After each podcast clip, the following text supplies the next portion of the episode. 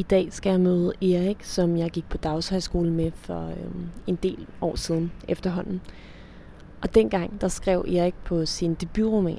Men da den ikke blev optaget på de store forlag, så startede han sit eget forlag i protest med sloganet Den etablerede branche kan sutte den. Og øhm, jeg har fulgt lidt med på Instagram og kan se, at øhm, den etablerede branche måske er begyndt at vise noget interesse for forlaget.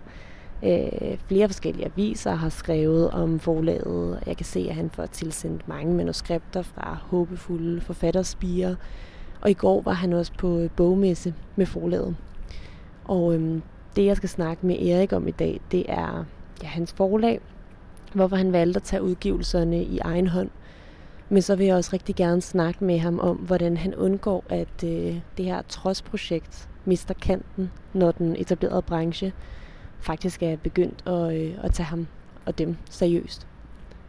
Vi sidder hernede på øen, som er et lille kulturhus, og som også er forlagets kontor. Hvis man ikke kender noget til forlaget, hvordan kan man så se, at det her det er øh, jeres kontor? Altså, der er sådan en meget stærk koncentration af vores klistermærker, sådan lige omkring vores, vores hus her. Så det er måske også en ledetråd, men de er jo på den anden side alle steder. Hvad med indenfor?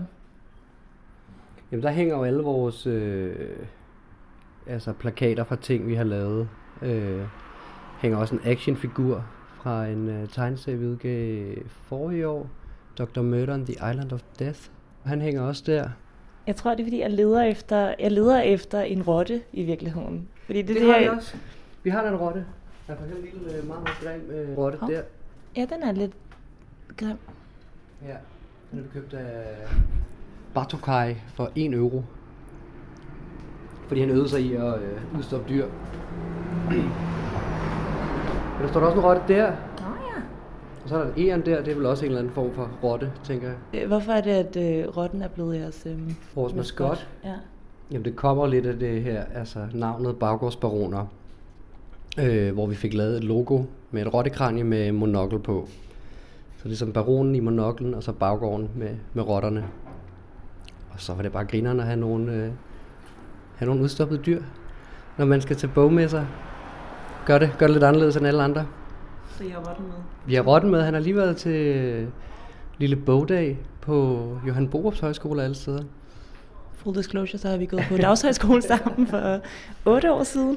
Er det så længe 8, siden? Det var det ikke i 13? Det er 7 eller 8 år siden. Det er 7 eller 8 år siden. I hvert fald rigtig, rigtig længe siden. Ja. Jeg går lige rundt og lukker nogle ting, så der bliver lidt mere stille. Ja.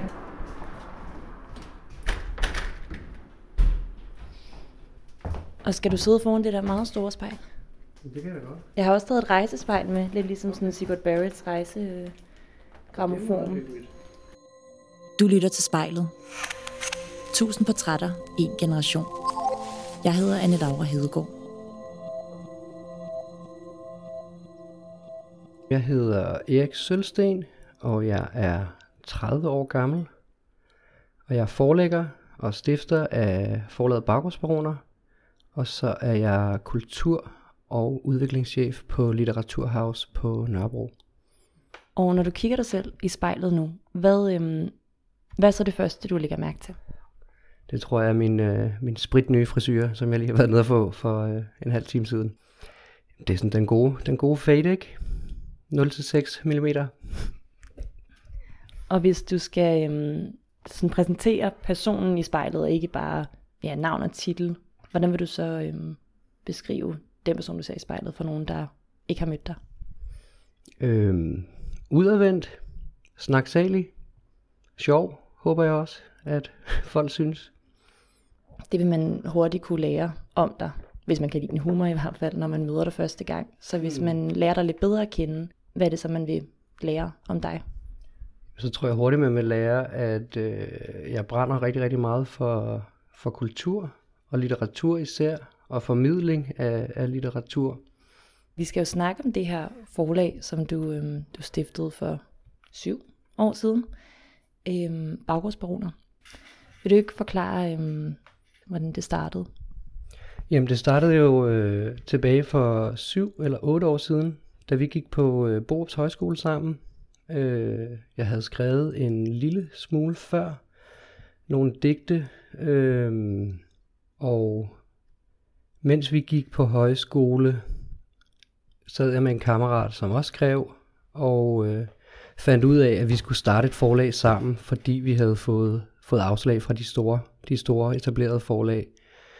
Øhm, og vi synes alt, hvad de gjorde, var nederen og forkert og umenneskelig behandling, og de ville alt muligt forkert med litteraturen. Og så sad vi på en bodega en aften og blev enige om, at øh, vi kan da bare selv starte et forlag. Det kan da ikke være så svært. Og ja, der kan man sige? Ja, det, det er så været, det er så de 7-8 år siden her. Nu er der sket en helvedes masse. Vi udgiver tegneserier, og vi udgiver genudgivelser, og vi laver en masse forskellige arrangementer, og holder foredrag og workshops, alt sammen for at prøve at, at gøre folk mere interesserede i at læse og nyde litteraturen.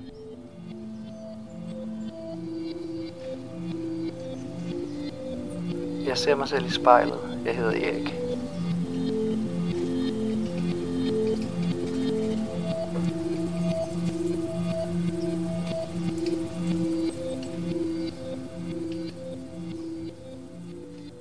Hvordan fandt de ud af, at de skulle starte det sammen, hvis de begge to godt de havde sendt bøgerne, altså manuskripter ind, eller hvordan?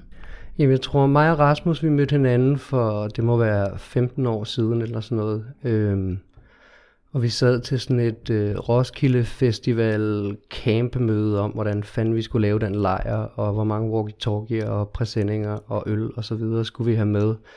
Og det var helt vildt kedeligt, og mig og Rasmus begyndte at, at joke og lave fis med det hele, øhm, og endte med at blive smidt ud af, af mødet. Og så sad vi der i et kollektiv i Næstved, og øh, spillede skak, og så begyndte vi at snakke om bøger, og jeg tror, det er første gang, jeg sådan har mødt en, en jævnaldrende, som var lige så begejstret for at læse som jeg selv, og hvor vi kunne snakke om bøgerne på sådan en umiddelbar måde, uden at det skulle være højt ravne og dybe analyser. Det var simpelthen bare sådan en, en umiddelbar glæde til litteraturen. Så vi startede ligesom et venskab på, ja, altså der var masser af ting, der, der gjorde, at vi blev venner, men, men litteraturen var helt klart en, øh, en grundpille i det, at vi kunne dele det her, og vi kunne anbefale bøger til hinanden, og vi skrev begge to, hvis vi, og vi kunne vise ting til hinanden, og spare med hinanden. Øhm, og at vi så begge to havde fået afslag, jamen, så virkede det sådan ret naturligt i, øh, i vores 12 hestes brænder, der siger, at øh, vi kan da bare selv lave et forlag. Hvis vi går endnu længere tilbage, øh, til dengang du selv sad med en forfatterdrøm, og skulle, øh, skulle sende dit manuskript ud til folk. Hvordan, hvordan foregik det, og hvordan føltes det? Øhm, altså for mig var det jo sådan øh, lidt nemmere end, end for andre, fordi at min mor har været i forlagsbranchen i rigtig, rigtig mange år, og at jeg ligesom kunne komme, komme ind og bag, bagvejen den, øh, på den måde. Øh, så jeg fik et, øh, et, pænt, et pænt afslag af Simon Pasternak, der er, der er redaktør, som nu chefredaktør på, øh, på Gyldendal. Øh, Rasmus var igennem den helt store mølle og sendte ind til Rosinante og Politikken og People's Press og Gyldendal og Lindhardt og Ringhoff og så videre og fik, fik afslag hele vejen rundt. Øh, men det er jo en sindssygt sårbar situation, man er i, når man har siddet her og udgivet sit, sine hjertesover og al sin håbløshed over verden, øh, og tænker, at det er fuldstændig genialt, det man har lavet, og så får man at vide, at øh, det kan måske godt blive okay, hvis vi laver det helt om. Så det er da mega, mega hårdt og kæmpe, kæmpe kniv at få at vide, at det, at det så ikke er det. Synes du selv, at den var færdig? Ja, det synes jeg. Øh, og jeg er også stadig rigtig glad for den. Øh, når jeg læser den nu her som 30-årig, de ting jeg skrev som 21-årig, kan jeg godt se, at, at meget af det er ung mand i byen, som synes livet er hårdt og verden er uretfærdig, og alting gør ondt. Øh, men jeg synes helt klart stadig, det har nogle, nogle litterære kvaliteter. Så jeg er stadig glad for den og stolt af den. Og den står også som en, en milepæl for alt, hvad jeg ligesom har, har bevæget mig ud i, og mit professionelle liv. Øh, den repræsenterer starten på, på, hvad jeg ligesom, på den rejse, jeg er, er ude på nu, og som jeg forhåbentlig skal være på i, i mange år. Øh, jeg tror, før jeg kom på Borups Højskole, der anede ikke, hvad jeg skulle. Øh, Jeg læste lidt på religionsvidenskab, mest fordi der var ledige pladser, og man kunne få noget SU, og jeg var træt af bare at rende rundt på Nørrebro og små raps i butikker og ryge fed. Øhm, og så fandt jeg ud af, at øh, religion, det gjorde mig bare endnu mere deprimeret at finde ud af, hvor fucking skøre folk de er. Og så læste jeg noget litteraturvidenskab, fordi jeg tænkte, at jeg havde altid øh, været glad for at læse, og jeg synes, det var en helt vild kedelig tilgang til, til den magi, jeg synes, bøgerne de repræsenterer. Øh, jeg synes, folk var ja, højrøde og elitære og bedrevidende, og fandt ud af, at hele det her universitetsliv, det, det klædte mig overhovedet ikke. Øh, så blev jeg sådan lidt småt deprimeret, og så fik jeg et, øh, et højskoleophold, hvor der var den skønne Pernille Tønnesen, som kunne genopleve den her glæde ved litteraturen og for at skrive øh, hos mig. Jeg fandt ud af, at jeg gerne ville have, have hænderne nede i bolledejen, i stedet for bare at sidde og, og kigge på den der forpulede der Øh, altså det blev simpelthen så... Det, jeg blev så distanceret fra det, eller sådan, at man kunne ikke mene noget eller synes noget omkring det. Man skulle altid synes noget om noget, andre synes om noget. Øh, så det at være på et, øh, et, et, et skrive, øh, skrivehold på den højskole, øh, jamen det fik ligesom bare tændt den her gniste, det her med, at man kan faktisk, man kan skabe litteratur, og man kan forme det og formgive det, i stedet for bare at snakke om det på sådan en højdragende måde. Og det blev så, ja, starten på den første bog, jeg skrev, og som blev starten på, på forlaget. Så på den måde er det en kæmpe milepæl.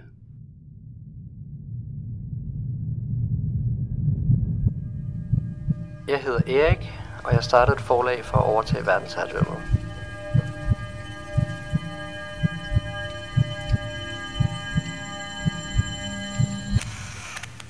Hvordan greb I det an?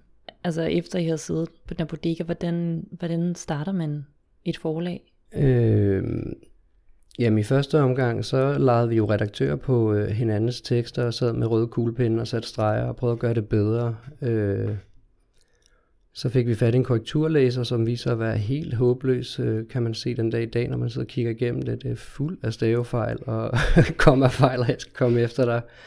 Øhm, men Rasmus, han har en øh, baggrund i reklamebranchen, så han kunne ligesom finde ud af at åbne InDesign og sætte noget op, og ja, kunne trække nogen og kendte nogen, som kendte nogen, der havde trykkeri i Polen, øh, og så fik vi lavet, lavet de første bøger der.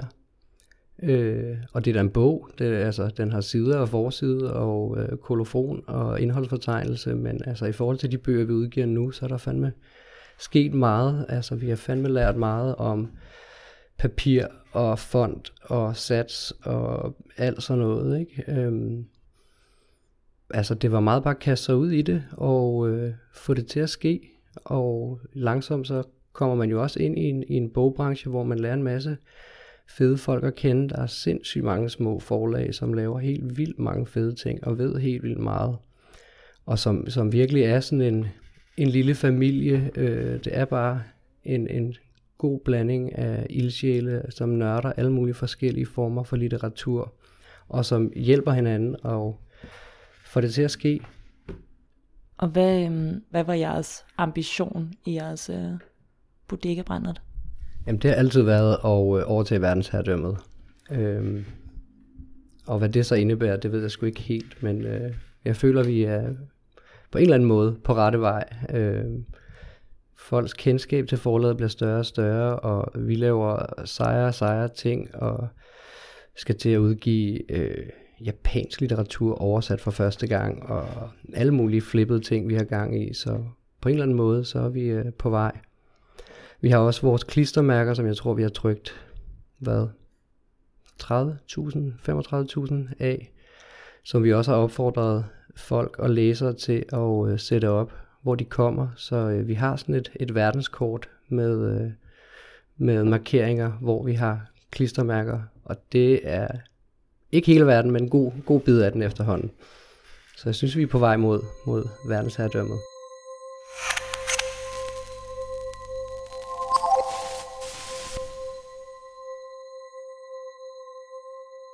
Det lyder som om, I har været propfyldte af selvtillid, og det ved jeg godt, man godt kan få af alkohol, men, men I havde også lige fået, øhm, fået afslag fra forlagene. Så hvordan, øhm, hvordan fik du vendt den der skuffelse fra at få et godt nok pænt afslag, men et afslag til den der trodsighed? Jamen jeg tror, det, det blev meget hurtigt et øh, enormt idealistisk projekt. Jeg tror begge to, vi er helt vildt stedige, øh, for det har med med været, øh, været en, en svær og, øh, og lang rejse. Øhm, vi har siddet ude på Skabelonsloftet ude på Refshaløen før, man, før der var cykelbro og noget, der var fandme langt derude på cykel om vinteren. Så vi sidder i en kælder ude i Nordvest. Øh, vi har også haft sådan en helt faldefærdig garage ude i, her på Nørrebro, øh, hvor nogle af mine drenge stadig har, øh, har studier og sidder og laver musik. Øh, så vi har været rigtig, rigtig mange steder, før vi er havnet her i vores lille oase. Men jeg tror, vi begge to brænder, brænder så meget for projektet her, øh, og også insisterer på at gøre ting på vores måde. Øh, at vi har holdt fast i det. Vi har haft alle mulige skodjobs ved siden af, for at kunne få lov til at insistere på den her drøm. Altså, mit CV er jo sådan helt vildt øh, sporadisk og underligt. Øh, jeg har arbejdet som nedriver, jeg har været barista, kørt rundt i sådan en lille tuk-tuk. Øh, jeg har været ultralydsscanningsmodel, jeg har været trafikanalyseassistent, jeg har jeg har fandme lavet meget lort, altså øh, for at tjene til dagen og vejen, og for at insistere på at kunne få lov til at lave det her. Hvornår har du tænkt, nu overgår jeg ikke mere? Jamen det har jeg fandme tænkt mange gange. Øh, når man skulle stå op klokken 6.30 for at stå inde, eller klokken 5.30 for at stå på en eller anden byggeplads og bare slæve, slæve murspand med, med betonbrokker i, i øh, 10 stive timer, så jeg tænkte, hvorfor fanden er det, jeg gør det her, og ikke bare tager mig en eller anden uddannelse og får mig et eller andet job. Øh, men det tror jeg skal, altså det, jeg er jo blevet ved alligevel, for jeg tror ikke, jeg kan, jeg kan ikke være i det. Jeg vil, jeg vil være min egen chef, jeg vil gøre, hvad der passer mig, hvornår det passer mig. Altså, jeg har jo ikke, jeg har ikke nogen uddannelse. Altså, ja, det, jeg har jo droppet ud af alt, hvad jeg har, har, har gået på, ikke? Øhm, det sidste, det sidste stykke papir, jeg har fra en skole, det er mit, øh, det er mit øh, eksamensbevis fra Næstved Gymnasium med et snit på 6,2 fra 2010. Ikke? Altså det, det kan man ikke komme langt med. Øhm, men jeg tror, fordi at jeg har, har lavet øh, litteratur- og kulturformidling ikke? i snart 8 år, jamen, så har jeg jo ligesom ja, gået i livets skole, for at bruge sådan en tom floskel, øh, og ligesom ja, uddannet og udlært mig selv i, i, i det her. Jeg søgte faktisk et job som øh, barchef på Litteraturhaus. Og så ringede Torgild-direktøren til mig og sagde, jeg kan desværre ikke tilbyde dig det job. Og så tænkte jeg, åh oh, fuck, hvad gør jeg så? Så sagde han, øh, du er simpelthen for overkvalificeret, vil du ikke heller komme og være kulturchef? Og så sagde jo, det vil jeg fandme helt vildt gerne. Er det fuldtid? Det er 30 timer om ugen har du så stadig tid til den der frihed, du lyder som, du er så glad for, hvor du er din egen chef? Altså nu har du jo en, du er chef for kultur, men du har vel også en, en chef, der bestemmer lidt mere over, hvornår du skal være et sted, eller hvor meget tid du skal bruge på det? Ja, det er der selvfølgelig, men jeg vil sige, det er ret fleksibelt, også fordi jeg har en masse afviklinger og arrangementer, som ligger om aftenen. Øh, så jeg har rigtig mange lange dage, øh, hvor jeg er der ja, sådan noget 12-14 timer. Øh, og det er jo fedt, så kan man få klappet øh, halvdelen af de timer, man har på en uge. Øh, og baggårdsbaroner, det laver jeg jo sådan lidt, lidt hele tiden. Øh, men det kan også sagtens være, at jeg er ude på en fisketur med en kammerat, og så er der nogen, der ringer, eller man får en skør idé, eller et eller andet. Øh, så på den måde, så synes jeg, at jeg har enormt meget frihed øh, og fritid til at gøre de ting, jeg vil. Men, men på den anden side, så er jeg jo også, også hele tiden i gang med, med det ene og det andet. Øh, men jeg tror, det er blevet en så stor del del af min, min hverdag og min identitet at lave de her ting, at det i virkeligheden ikke, ikke bekymrer mig øh, eller generer mig, at jeg snakker i telefon 40 gange om dagen. Øh, jeg synes bare, det er sjovt. Er du, er du egentlig efterhånden blevet en af de der etablerede kulturpinger-typer? Ah, jeg tror, der er jeg ikke helt endnu, men, øh, men måske det sker en dag tror, jeg tror, jeg spørger, fordi Baggårdsbogen er jo startet som det her øh, trodsprojekt, og I ville hvad var det, I skrev på jeres hjemmeside? Det var noget med den etablerede branche Kasutten, tror jeg. og nu, altså sådan, du er jo blevet, altså Spargårdsbaroners projekt er blevet omtalt i politikken, og du er blevet kulturchef, altså sådan, hvordan, jeg tror det jeg prøver at spørge om, er sådan, hvordan, hvordan beholder I den der øh, trodskultur, og insisterer på at, at være jeres helt egen ting, når I jo tydeligvis også gerne vil have bøgerne ud til folk? Mm, altså, jeg kan godt se, at der er et stykke vej fra øh, 21-årig Erik, der sagde, at den etablerede branche, den kan sutten, øh, og til, til nu at sidde og ja, til dels være en del af den, øh, den etablerede branche. Øh. Men jeg tror, det, det handler om intrikitet øh, og insistere på og, øh, at lave nogle fede ting, selvom man inviterer nogle etablerede øh, forfattere ind i, øh, ind i sit foretagende her og laver nogle ting, som bliver omtalt i politikken eller i information. Øh, så tror jeg mere, at, øh, at det handler om at, at, at bibeholde den integritet. Altså, man kan, nu sidder jeg og kigger mig selv i spejlet, ikke? og hvis det nu var, var 21-årig Erik, der sad her, så synes jeg stadig, at, øh, at det er okay at kigge på ham. Jeg hedder Erik, og jeg er baggrundsbaron og kulturchef.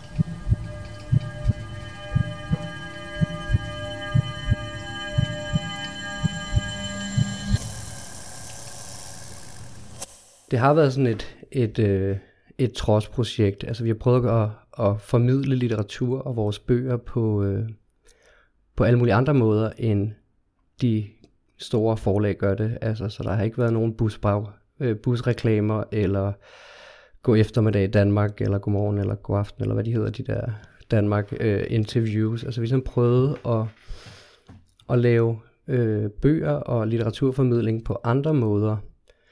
De første mange bøger, vi udgav, de, øh, de udkom under pseudonym, og det gør de til del stadig.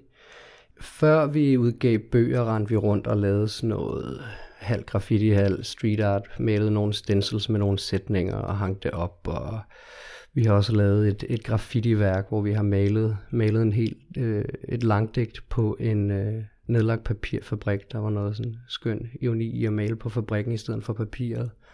Øh, så der var helt klart sådan noget, jeg skal ikke have mit navn på ting, som kan give mig en eller anden gigantisk bøde.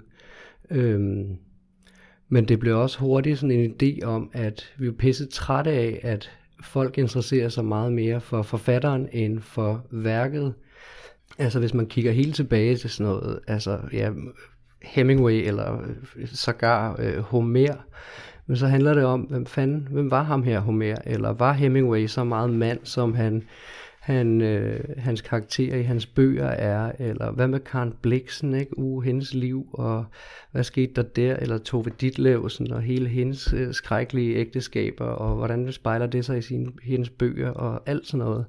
Øh, og jeg tror bare, vi havde sådan en, kan vi ikke bare, kan vi ikke bare fortælle nogle røverhistorier og forholde os til, til det, og så snakke om fortælling i stedet for at snakke om den makker, som har fået en, en, en skør idé og skrevet en bog. Øh, jeg tror, da vi begyndte at udgive tegneserier, så, øh, så brød vi lidt med den her øh, pseudonym ting, fordi en, en tegneserietegner er så nem at genkende på sin streg, hvor en forfatter måske mere kan skrive i forskellige stilarter. Øh, så vi begyndte at udgive over, oversat øh, litteratur og genudgivelser, hvor det heller ikke giver mening at ligesom kalde ja, Valdemar Holtz for, det ved jeg ikke, Nikolas Pallesen, eller hvad fanden det nu kunne være. øhm, men der er stadig, stadig folk, der udkommer under pseudonym, øh, og der er nogen, der finder en enorm tryghed i det, øh, altså når man skriver sådan nogle helt vildt personlige ting, eller skriver øh, ja, grimme ting om sine forældre eller kærester, eller om sig selv, eller et eller andet, så kan det være sådan et eller andet skjold, man kan sætte op, så man kan få en, en større ærlighed frem i en fortælling. Og det er for fanden det, det handler om for mig, det er den gode, gode fortælling. Øh, og derfor holder vi til dels fast i det. Det har hele tiden handlet om, og gøre det, gør det fedt for andre at læse, og udgive nogle bøger, som, som ikke er sådan noget samlebåndskrimi, eller young adult, eller hvad fanden det kan være, men altså simpelthen præsentere folk for det, vi synes er fedt ved litteraturen. Og det er også, nu har jeg været til bogmesse hele weekenden her, og øh, der er rigtig mange, der kommer hen og spørger sådan, om hvad er jeres profil, og hvad er det, I udgiver, og altså, der må jeg bare sige, at det, altså det, det vi synes, der er fedt, det der, det der tænder os, det vi, øh, det vi gerne vil dele med andre. Jeg hedder Erik, og den etablerede branche kan til dels stadig sutten.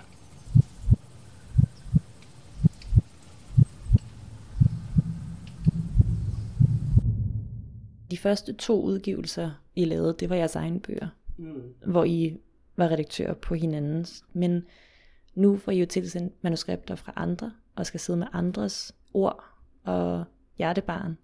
Hvordan undgår I at blive ligesom de store forlag, og på en eller anden måde, det lød som om, at den oplevelse, du havde med det, var, at dit værk lidt blev overtaget af nogle andre.